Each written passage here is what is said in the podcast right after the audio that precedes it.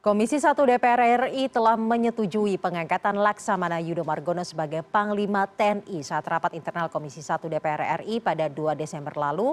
Lalu bagaimana catatan media akan sepak terjang Laksamana AL Yudo Margono dan potensinya dalam memimpin TNI ke depan. Akan kita bahas bersama Wakil Pemimpin Redaksi CNN Indonesia Revolusi Riza dan Wakil Pemimpin Redaksi Detikom Elvan Dani Sutrisno. Mas uh, Revo dan Mas Elvan, ke Mas Revo terlebih dahulu Mas, bagaimana catatan media mengenai sepak terjang dan juga profil Laksamana Yudo Margono?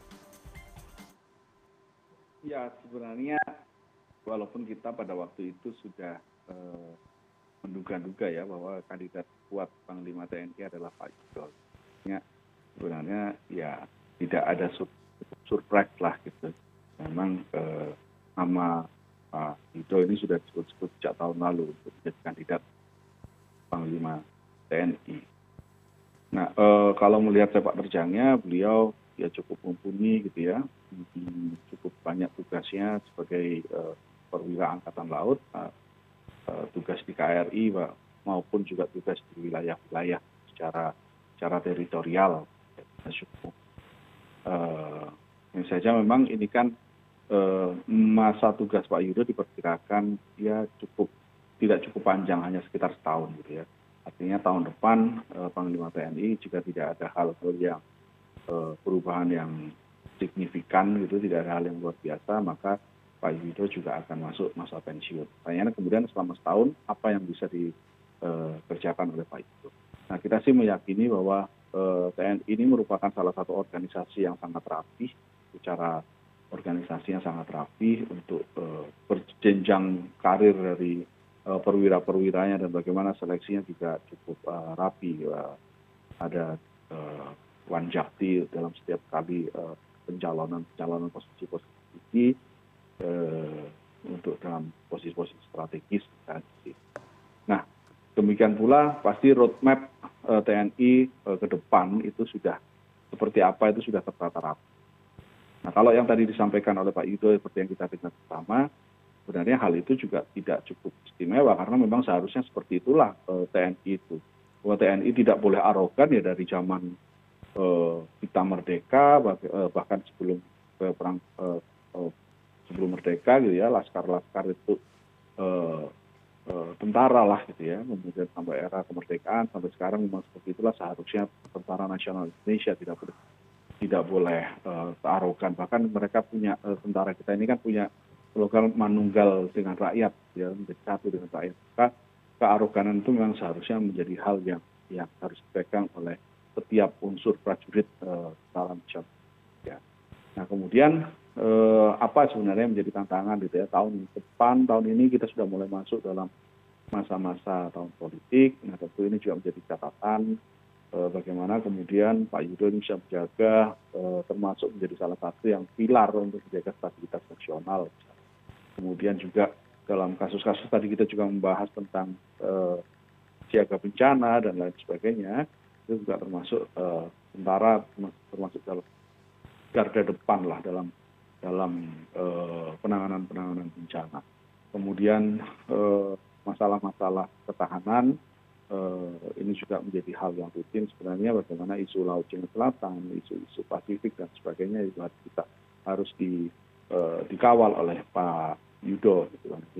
Nah ini sebenarnya PR PR bukan PR ya sebenarnya tugas-tugas yang harus dilaksanakan oleh beliau terkait tugasnya. Nah tapi memang yang paling paling bisa kita eh, nilai secara eh, ini kan adalah eh, pemilu yang ada di depan mata. Di masa tugas Pak Yudo sampai November tahun depan nah, itu adalah masa-masa kritis dalam ya bukan kritis ya tapi masalah-masalah negara kita sedang menghadapi situasi politik terkait dengan pemilu 2024 nah di situlah kemudian uh, ujian kepada TNI bagaimana TNI tetap netral dalam dalam fungsinya dan juga mengawal supaya hmm, stabilitas nasional bisa tetap dijaga di sisi lain harus menjaga stabilitas di sisi yang uh, sisi yang berikutnya juga harus menjaga netralitas dan itulah uh, peran yang uh, dihadapi oleh uh,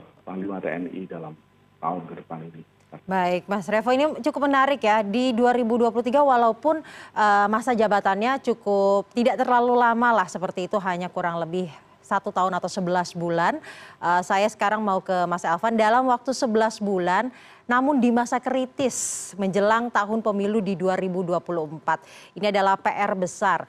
Terus uh, juga ada yang menilai bahwa Yudo Margono ini cukup dekat dengan pemimpin-pemimpin partai politik. Bagaimana nih Mas Elvan, apakah Yudo Margono mampu untuk menjaga netralitas dan juga stabilitas yang tadi juga sudah disampaikan oleh Mas Revo, Mas Elvan?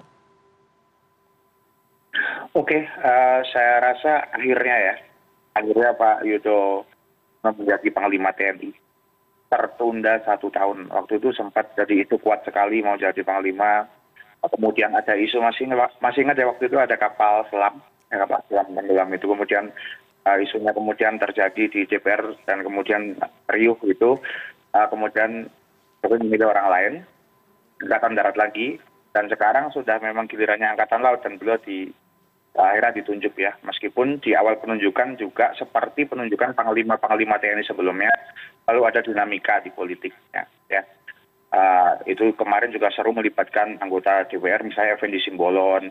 Eh, kemudian hari ini juga lagi lagi muncul lagi isu dari dpr jelang pelantikan pak yudo ini soal katanya mau ada penggantian kepala kepala staf. Itu isu-isu kayak gitu kita tunggu saja nanti. Tentunya presiden jokowi sudah memikirkan masak-masak dengan memilih pak yudo margono jadi panglima tni di tahun politik. Ya eh, mengawali tahun politik karena masa jabatan beliau sampai dengan pendaftaran capres cawapres ini fase fase krusial di mana pembentukan pembentukan koalisi pembentukan pembentukan pasangan pasangan komunikasi parpol terjadi sekarang dan kalau TNI tidak dengan sangat baik menjaga masyarakat bisa jadi potensi keterbelahan seperti pemilu yang sebelumnya dapat terelakkan. Itu mudah-mudahan Pak Yudo betul-betul amanah, kemudian netral, uh, dan seperti janji di depan Komisi uh, DPR ya, bahwa kalau terpilih akan menindak tegas TNI arogan. Selain juga penguatan alutsista dan SDM dan lain-lain.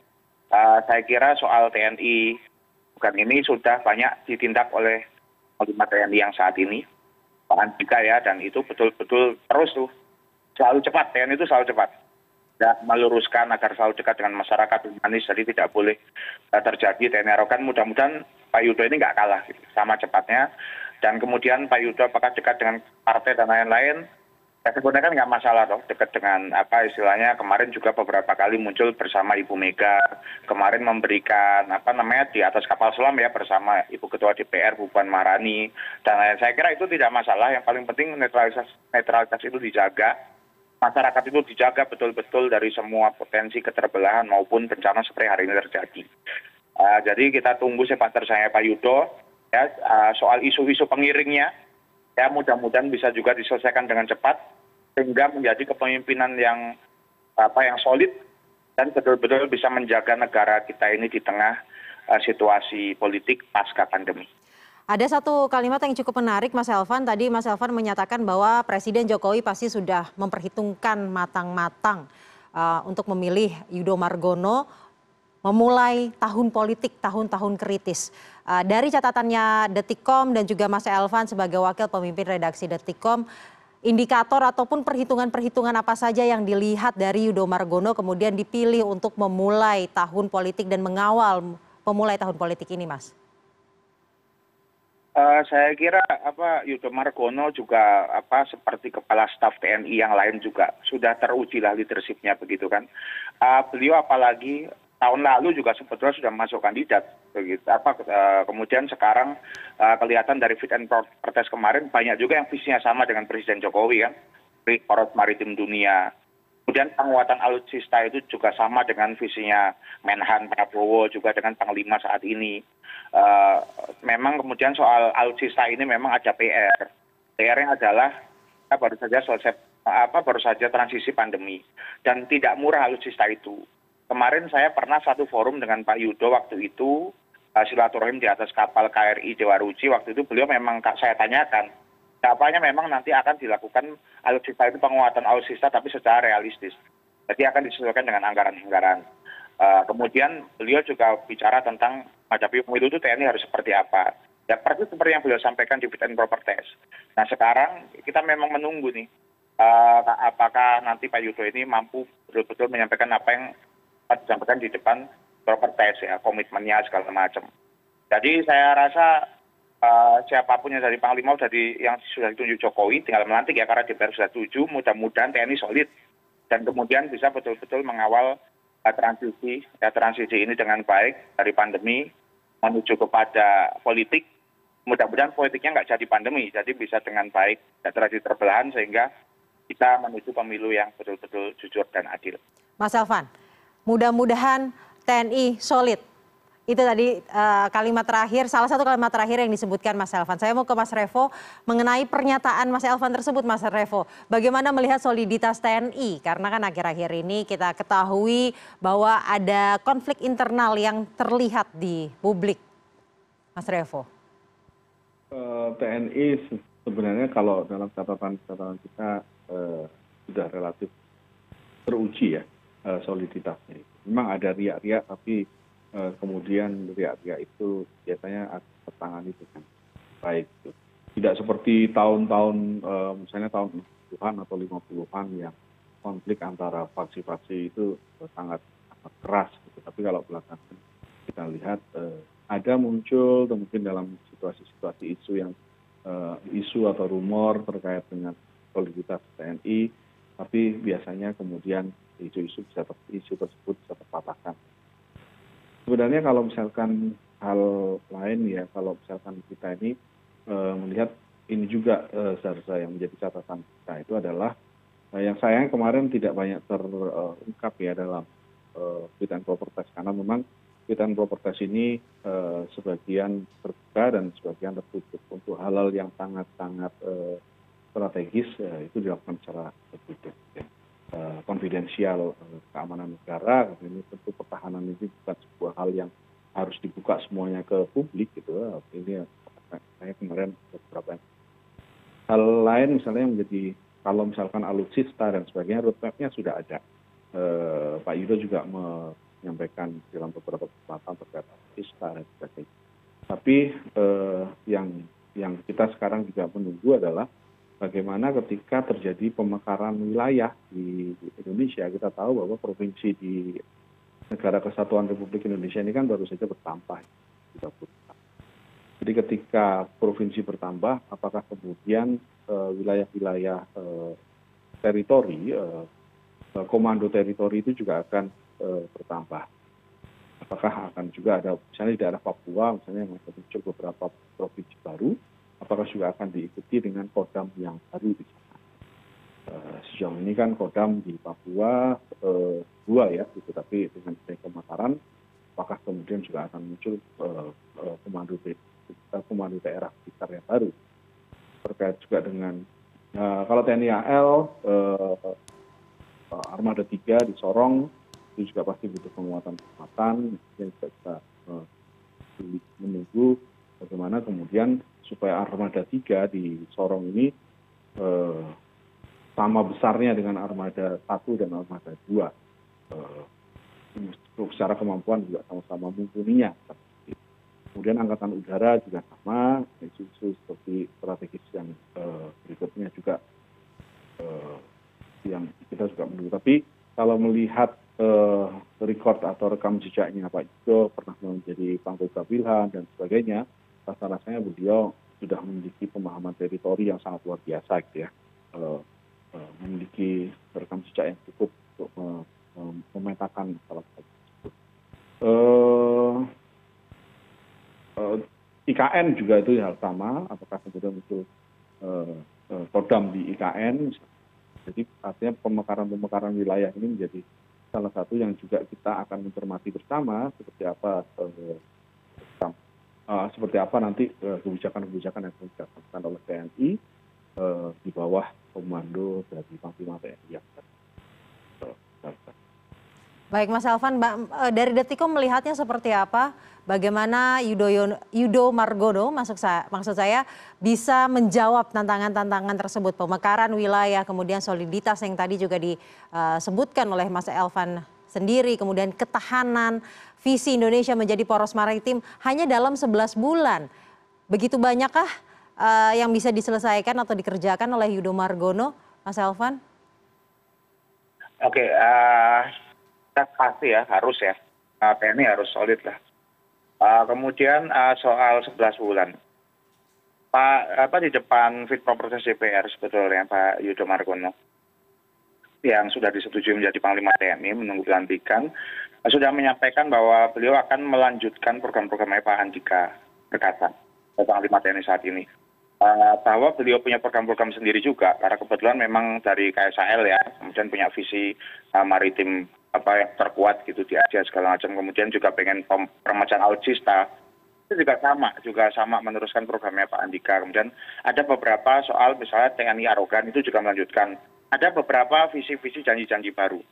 Nah ini baiknya Pak Yudo Margono dengan apa dengan pendahulunya yang sekarang masih menjabat ya Pak Andika itu betul-betul punya semangat untuk saling terkait saling saling melanjutkan. Jadi sebetulnya hitung-hitung masa kerja Pak Andika juga tidak lama kan? Gitu. Tapi karena program akan dilanjutkan oleh pimpinan berikutnya saya rasa itu bisa berkesinambungan sehingga nanti bisa tercapai tujuannya. Nah, memang karena tahun karena kan ini ya nanti akan pensiun segala macam nah, banyak fase krusial sebetulnya kayak sekarang ini lagi sangat krusial betul disampaikan Mas Revo soal IKN ya IKN itu sekarang persiapannya lagi luar biasa dan ini mengawal mengawal IKN itu juga sesuatu yang dilakukan Pak Andika juga dan sekarang dilanjutkan oleh Pak Yuda begitu. Artinya kesinambungan adalah kuncinya. Ya nggak nggak peduli berapa lama kepemimpinan, uh, kalau memang itu punya niat untuk saling berkesinambungan, saling melanjutkan dengan melengkapi dan meningkatkan efektivitasnya, saya kira itu baik-baik saja. Karena memang Panglima TNI tidak bisa seperti Presiden ya. Kalau Presiden kan sampai lima, bisa sampai dua periode. Panglima TNI itu kan juga ada masa pensiunnya dan penunjukannya kan juga dengan banyak pertimbangan. Uh, saya kira apalagi untuk persiapan pemilu ya, uh, Yudo akan mengawal sampai dengan penetapan capres saya kira bulan-bulan November itu. Dan kemudian di pemilu berikutnya, uh, di pemilunya maksud saya itu mungkin apa kemungkinan akan sudah diganti ya kan? Uh, dan bisa jadi ya saya nggak tahu apa yang terjadi ya mungkin presiden punya pertimbangan lain pada saat itu karena itu kan tipis-tipis ya kan? Saya kira Pak Yudo ini walaupun 11 bulan beliau punya tugas yang luar biasa. Tugas yang sangat penting karena ini adalah masuk pemilu 2024 akhir dari dua periode masa kepemimpinan Pak Jokowi. Dan besok adalah pemilu yang cukup diprediksi akan cukup menarik ya cukup sangat perpolitikannya karena itu tni betul betul harus bisa menjaga netralitas dan juga mengamankan negara ini dari keterbelahan masyarakat. Uh, karena kenapa? Karena besok calon baru semua tuh. Calon baru semua ya presiden jokowi sudah dua periode sehingga besok betul betul nantang yang uh, bukan incumbent. Jadi banyak yang harus diantisipasi begitu. Baik, kita akan nantikan bersama apa langkah-langkah yang akan diambil oleh Laksamana Yudo Margono setelah nanti diresmikan sebagai Panglima TNI. Terima kasih Wakil Pemimpin Redaksi CNN Indonesia Revolusi Riza dan juga Wakil Pemimpin Redaksi Detikom Elvan Dani Sutrisno telah bergabung Pak malam hari ini di CNN Indonesia Prime News.